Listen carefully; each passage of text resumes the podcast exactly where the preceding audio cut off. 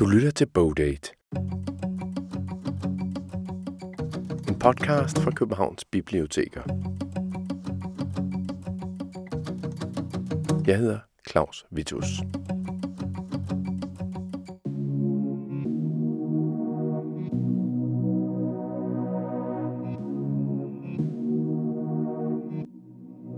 Denne her udgave af Bogdate smelter sammen med en anden podcast, øh, som Københavns Biblioteker laver.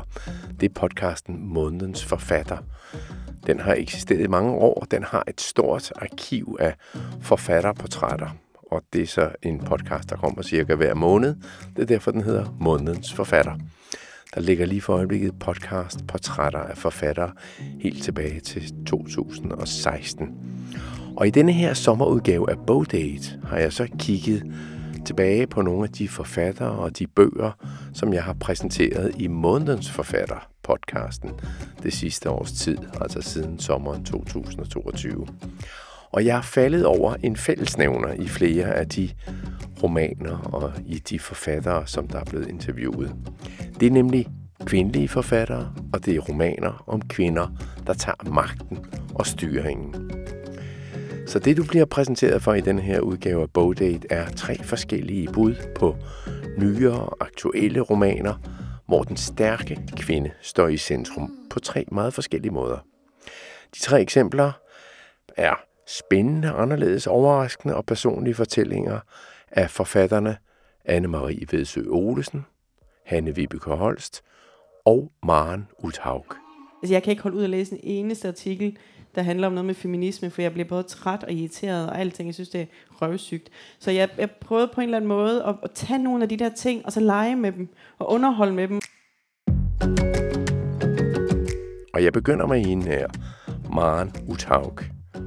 Jeg har fundet et par citater frem fra den podcast, der blev lavet, da Maren Utaug var inviteret til Hovedbiblioteket i København for at fortælle om sin roman 11 procent. Det første spørgsmål, hun fik, var dog, som det ofte er til forfattersamtaler på Hovedbiblioteket i København, hvad er dit forhold til biblioteket? spurgte intervieweren, bibliotekar Karoline Ingehoff Mogensen. Øhm, altså, jeg kan ikke administrere biblioteker. Jeg kommer her ikke. Jeg tror faktisk, jeg er bandlyst. Fra, jeg, jeg kan ikke aflevere bøger. Så, det, så på den måde har jeg lidt anstrengt forhold til biblioteker. Eller biblioteker har lidt anstrengt forhold til mig. Mm. Okay, jamen... Øh, Øh, der er noget i princippet med at få afleveret til tiden. Jeg har altid sådan en eller anden kæmpe bøde, som er så stor, at jeg ikke må låne igen. ja, Øh. problematisk. Okay, jamen skal vi ikke bare lade den Så ligge vi- der? lad os skynde os videre, før Okay. de øh, begynder at slå mig op. Ja, jamen så, så synes jeg, inden vi ligesom kaster os videre ud i det, kan du ikke lige rise bogens univers op for os? Hvad er det for en verden, som 11% udspiller sig i? Det er, øh, det er jo et samfund, øh, der foregår i den nye tid, som jeg kalder det, øh, som er et par hundrede gen- år fra nu, et par generationer, hvad man nu har lyst til, det må man selv om. Øhm, og det, som øh, er, er særligt ved den her tid, det er, at der ikke er nogen mænd, der går frit rundt. Der er kun kvinder. Men på det, der er sket forud, som ikke er en del af bogen, fordi det her det er på et tidspunkt, hvor det her bare er naturligt. Øhm, modsat de fleste ville måske lave øh, en historie om selve revolutionen, men det synes jeg var utrolig kedeligt. Øh, for så kunne vi jo handle om mænd, og jeg vil gerne have det til at handle om kvinderne. Men det, der ligesom er sket på et tidspunkt, for eksempel i vores tid, det er, øh, som forud for historien, er, at man er simpelthen blevet super træt af, at mænd ikke kan holde op med at øh, slå ihjel, voldtage, begå kriminalitet. De fylder jo det ene fængsel efter en anden, og nu øh, er det fakta, vi snakker om. 92 procent af alle mor bliver begået af mænd. Så som min, øh, en af mine karakterer siger, det er jo ikke menneskeheden, der er morderisk, det er mænd, der er morderisk. Nå, men det, det er man, man, man er ligesom opgivet på at få dem til at stoppe. Man har prøvet alt muligt blødt og nuttet og sådan noget at forstå testosteron, og så har man bare sagt, hvis vi skal optimeres som art, hvis vi er mennesker, vi skal jo hele tiden blive lidt bedre. Ja, min generation skal være lidt bedre end mine forældres, min børns generation skal være lidt bedre end min. Så hvis vi skal optimere som art, så bliver vi simpelthen nødt til at udfase mænd og droppe det der med testosteron frit i samfundet. Så i stedet for at bruge dem til det, vi nu kan bruge dem til, for børn og seksuel tilfredsstillelse, men under øh, kontrol, så de ikke kan genere os og, og degenerere os som art. øh, så, så får man dem ligesom puttet ind på sådan nogle avlcentre, slash spa.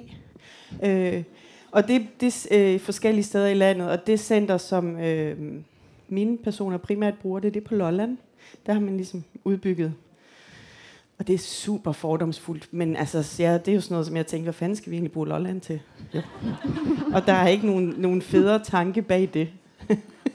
så, mm. så det er ligesom settingen øhm, i den her tid. Det er scenen, og så har vi øhm, fire kvinder, som øh, lever et almindeligt liv, som på mange måder minder om vores. Har, de er lidt ensomme, de er lidt stressede, de er, men de lever selvfølgelig i det her matrikalske samfund, som har sådan næsten de samme problemer, vi har. Det er, øhm, det er vel det er en, rigtig en, god en, en lille hurtig indføring. Ja, ja vi, har, øh, vi har de her fire kvinder. Medea, som er heks. Mm. Mika, som er præstinde. Stille, som øh, der bor i et kloster sammen med Medea og kan tale med planter. Og så har vi Eva, som er en læge på Outcentret på Lolland. Mm. er nogle virkelig spændende karakterer. Øhm, men jeg kunne godt tænke mig lige at snakke lidt om sprog. Jeg er mm. meget begejstret for dit sprog. Jo. Det er sådan helt uden knaster og alt andet end knastørt. Og det er jo godt med sådan kærlighed og god stemning, men personligt synes jeg jo, at sådan sproget måske blomstrer allerbedst i det hadefulde. Jeg er i hvert fald sådan, mine sprogblomster, de kommer mest, når jeg virkelig giver kniv til nogen. Jeg har tænkt på, om du har det på samme måde, bare med klamhed i stedet for had. Øh, jeg har sådan en lille ja. liste med ord fra 11 procent, som jeg har trippet lidt over. Fases, berider, penis, påsyerske, heksegylp, slangesuppe, patriarkalske akvarie, entusiaster. øh, Ja. Vil du ikke fortælle lidt om dit forhold til sproget? Øhm, altså jeg er på en måde godt lige at opfinde ord mm. til mhm. mine børns store fortrydelse, for de går ligesom ud i verden og tror, at de her ord findes i virkeligheden. Kommer virkelig tit stadig hjem og siger, det ord findes jo ikke, mor. Jo, jo, men på det høre, hvor fedt det lyder. Så er det noget, jeg har opfundet, ikke? Mm. Øh, så det kan jeg godt lide, at, at bare skrive dem som om, at at øh, altså penis på syriske og sådan noget, som om det som selvfølgelighed findes i verden. Og så synes jeg især at den her, synes jeg, det var lidt sjovt at tænke på, øh, altså helt lavpraktisk, helt simpelt, for eksempel det der med, at når vi snakker om sex i dag, så er det altid, at manden skal penetrere. Og det gør man jo selvfølgelig ikke i den her tid. Så der øh, er det jo sjovt at lege med sproget og sige, at øh, når man nu omslutter man for det kunne jo lige så godt være sådan i vores sprog, at vi omslutter manden, og det ikke er den der evige.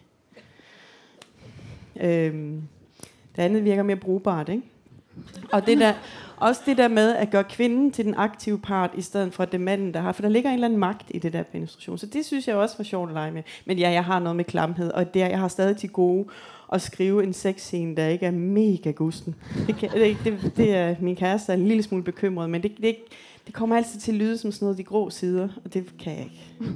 Så det, jeg, jeg øver mig.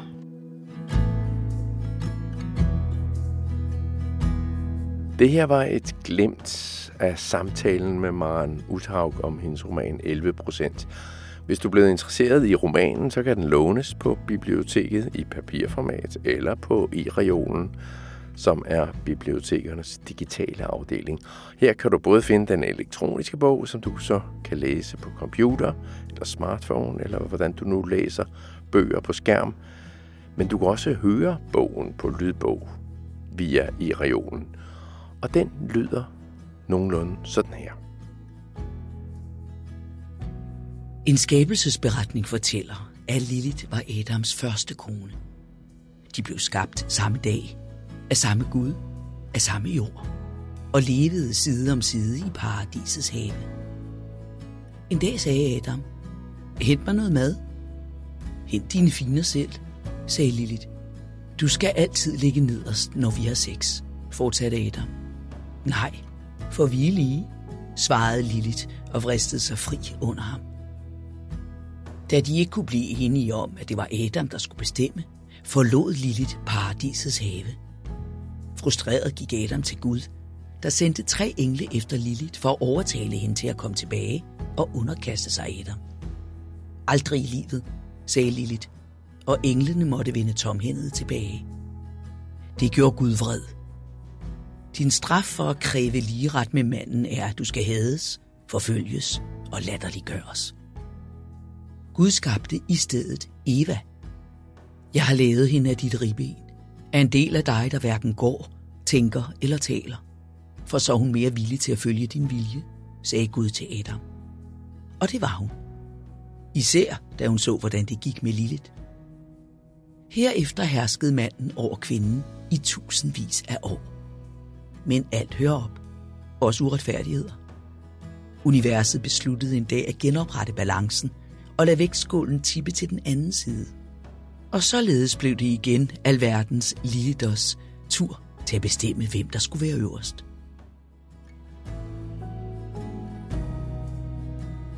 Det er skuespilleren Ellen Hillingsø, der læser Maren Uthaugs roman 11% til lydbogen, som du kan finde på e-reolen. Og der kan du også kvitterfrit låne den som lydbog. Så flyver vi videre i denne sommerpodcast 2023. Og temaet er kvindelige forfattere, der skriver om stærke kvinder. Anne-Marie Vedsø Olsen har som forfatter skrevet flere historiske fiktionsværker. Hun var i efteråret 2022 inviteret til Hovedbiblioteket for at fortælle om sin seneste bogserie, Vølvens Vej.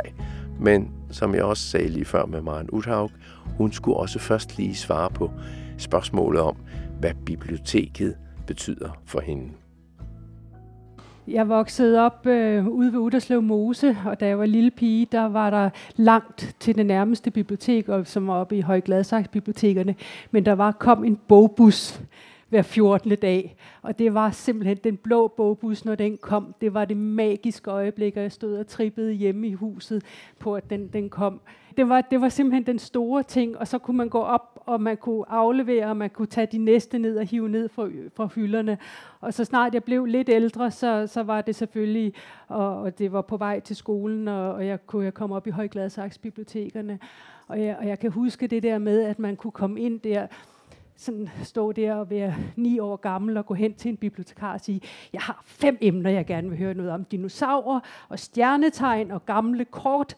Øh, og jeg kan, jeg kan ikke huske, hvad, det, hvad de to andre... Jo, jeg, øh, øh, tusind og en nat, og så var der en ting til. Og jeg kan huske bibliotekaren der, nu skal du komme med rundt, og så lærte hun mig også kartotekskortene at kende og sådan noget. Så det var altså det var fuldstændig afgørende for mig at have det der bibliotek. Det kan godt være, at mine forældre synes, at det var voldsomt, at en niårig pige, eller hvad jeg var, kom hjem med tusinder af nat, men alt det der kedelige erotisk noget, det bladrede man bare forbi, og så læste man noget Sindbad Søfaren eventyr i stedet for.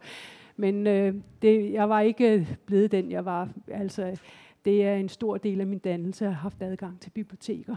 Sagde forfatter Anne-Marie Vedsø Olsen på Hovedbiblioteket, som indledning til det, som hun var inviteret til at tale om, nemlig sine romaner, inspireret af nordisk mytologi en serie, som hedder Vølvens Vej. Forløbig er der kommet to bøger i serien.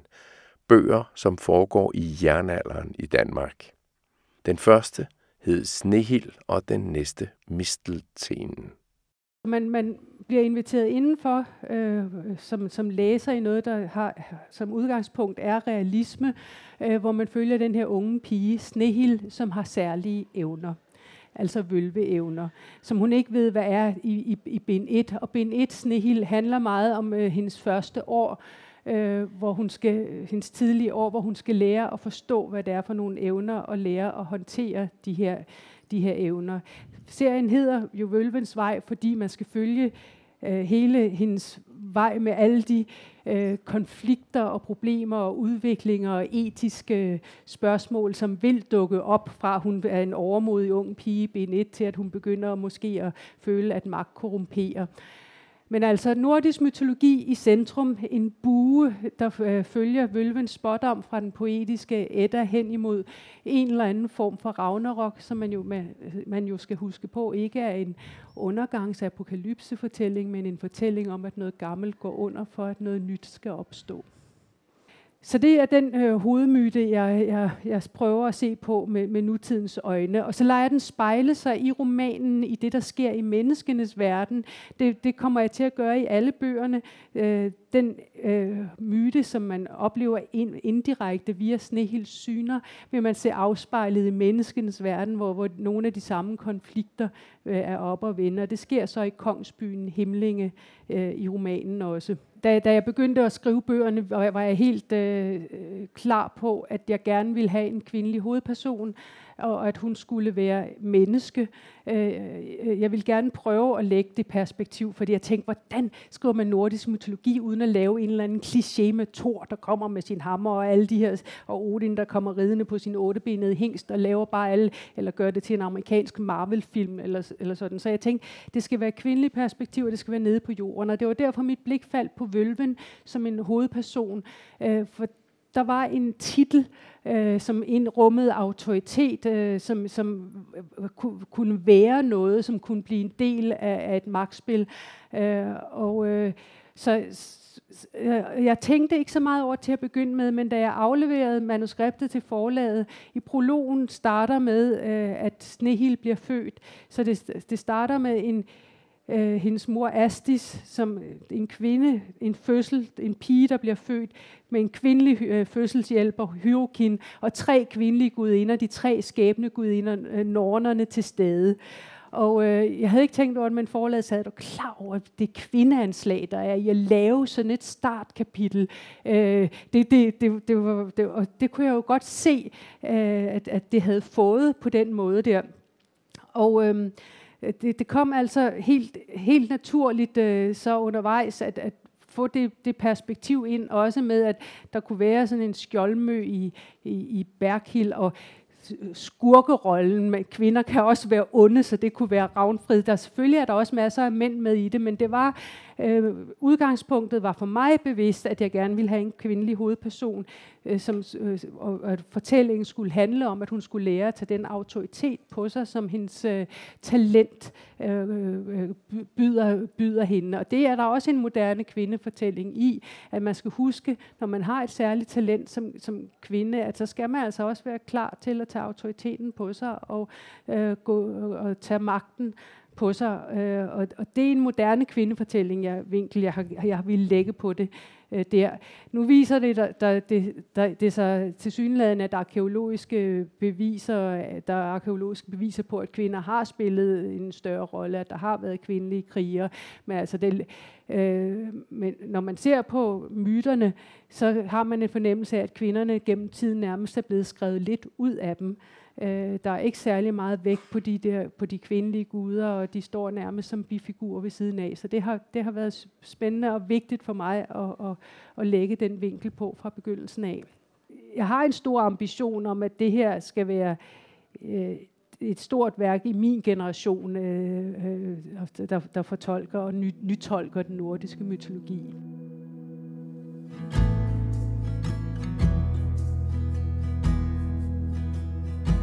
Sådan fortalte Anne-Marie Vedsø Olesen om de første bøger i hendes serie Vølvens Vej.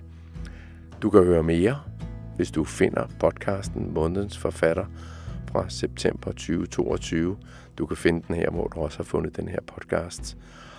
Og du kan bare gå ned igennem listen og finde de gamle månedens forfattere. Du kan også finde bøgerne selvfølgelig på biblioteket, både i bogform, fysisk form og i digital form. Her er et eksempel på lydbogen, som du kan finde på e-regionen.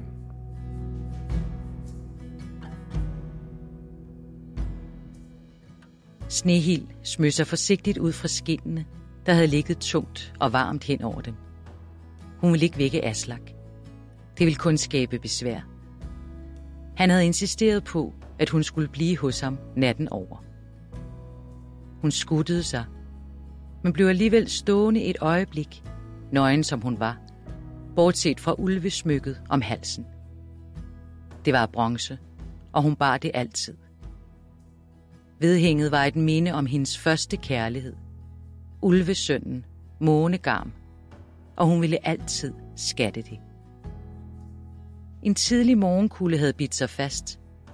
De havde allerede haft det første snevær, selvom efterårsløv stadig flammede på buske og i skovbunden. Den vækkede hendes hud og satte hende i forbindelse med den nedgående måne og de endnu vågne natdyr.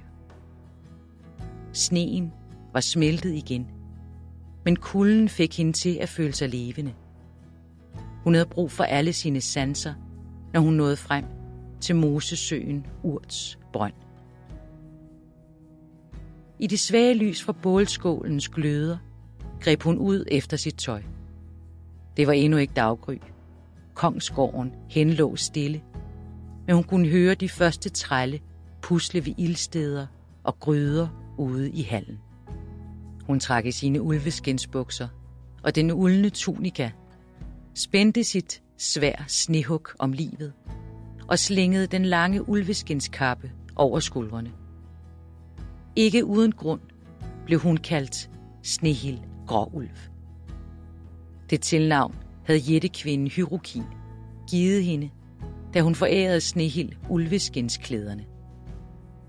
Hyrokin havde også foræret hende en ringbrynje og den slanke klinge snehug. Begge er et særligt let og stærkt metal. Sværet tog hun med sig overalt. Men ringbrynjen bar hun kun, når det var nødvendigt. Det var det ikke for tiden. Aslak styrede sit kongedømme, Sierland, med hård hånd. Desuden var de i sikkerhed i kongsbyen Himlinge, omgivet, som den var, af det usædvanlige dobbelte forsvarsværk. Stenmuren yderst og en palisade lige inden for murværket.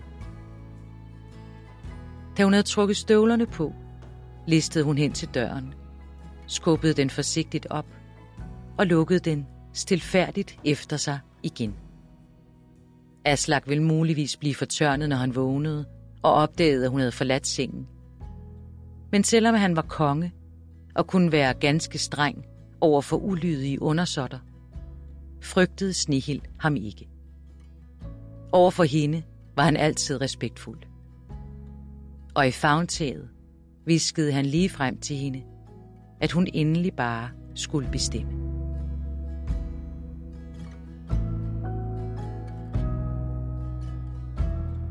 Det er Line Jønsson, der læser op af Vølvens Vej, og det her var Misteltenen, den anden i serien. Du kan finde bogen som lydbog på i reolen og som papir på på bibliotekets reoler. Du lytter til en podcast, som er sat sammen af citater fra nogle af de podcasts, der har været i den sidste års tid her på podcastkanalen Månedens Forfatter. Der har været en del kvindelige forfattere, der har skrevet romaner om stærke kvinder i centrum, og Hanne Vibeke Holst er den næste i rækken. Hun udgav i 2022 bogen Kriger uden maske, som fortæller historien om den danske billedkunstner Sonja Ferlov Mankoba, som i 30'erne var en del af det sprudlende danske billedkunstnermiljø med Richard Mortensen og Ejler Bille. Hun er dog ikke så kendt som sine mandlige kolleger, men det råder Hanne Vibeke Holsts roman nok bod på. Romanen fortæller om, hvordan Sonja Færlov Mankoba, som kom fra et overklasse hjem i Nordsjælland, brød den sociale arv, kunne man kalde det. Fordi i stedet for at leve videre i den overklasse luksus, hun var vant til, så blev hun kunstner med fokus på afrikansk inspireret billedkunst. Hun levede i fattigdom, både på et landsted ved Kattinge på Midtjylland og også i Frankrig, sammen med sin afrikanske mand, og hun klarede både familien og karrieren. Hendes projekt var at indarbejde afrikansk fangkunst. Det er en form for kunstart, som især er kendt for udtryksfulde masker og skulpturer, og hun ville indarbejde det i moderne billedkunst. Det er altså det, som romanen blandt andet handler om. Her forklarer Hanne Vibeke Holst til intervieweren Jes Stein Pedersen, hvorfor hun valgte at skrive en roman om Sonja Ferlov Mankoba. det, der gør, at jeg overhovedet var interesseret i hende og blev hugt på hende, ikke?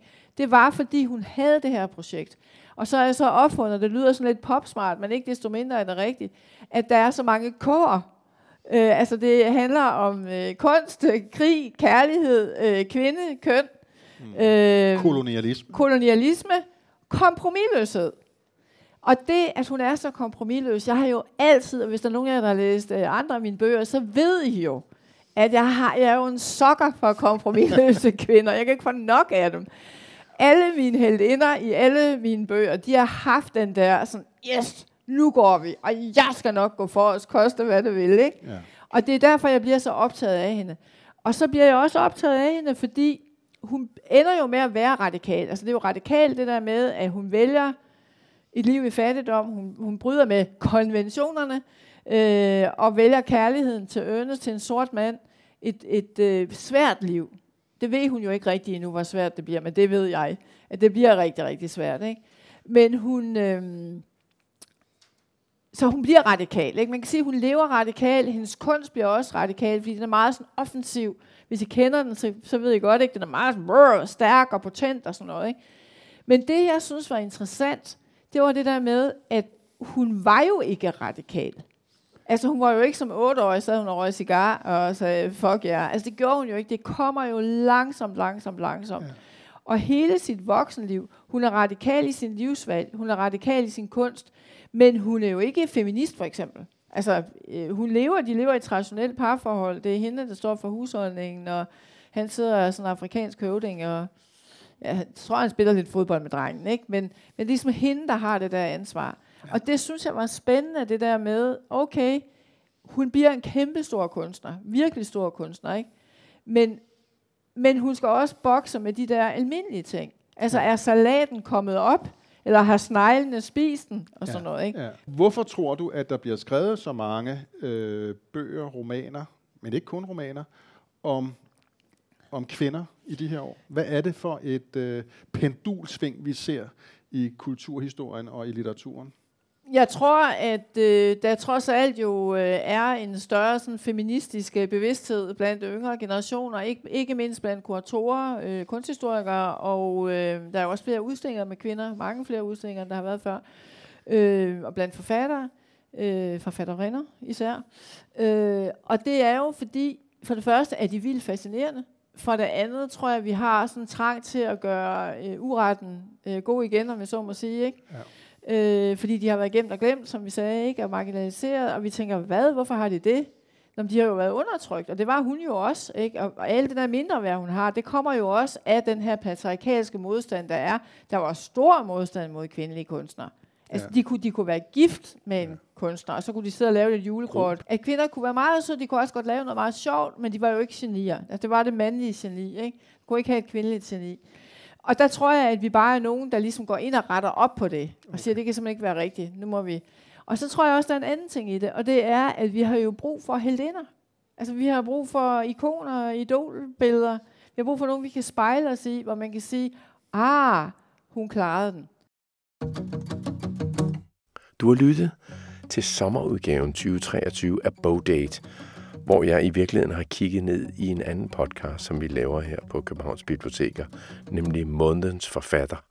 Og der har jeg så taget et klip fra det sidste års tid med tre forfattere. Det var så dem, du har hørt, Anne-Marie Vedsø Olsen, Hanne Vibeke Holst og Maren Uthaug. Du kan finde alle samtalerne i fuld format, flere af dem. Ja, op til en times tid på vores hjemmeside bibliotek.kk.dk og så skal du bare finde lyd og lede efter månedens forfatter. Der kan du finde alle de gamle forfatterportrætter. Du kan også søge på sin podcast-platform efter titlen Månedens Forfatter. Alle citater her i denne her udgave var fra i-regionens citater af lydbøgerne. Så du kan finde lydbøgerne derinde. Musikken var af Epidemic Sound, og alle bøgerne lægger jeg på en litteraturliste til denne her podcast. På genhør i enten månedens forfatter eller Bogdate, eller en af de andre podcast, vi laver her fra Københavns Biblioteker. Jeg hedder Claus Vitus.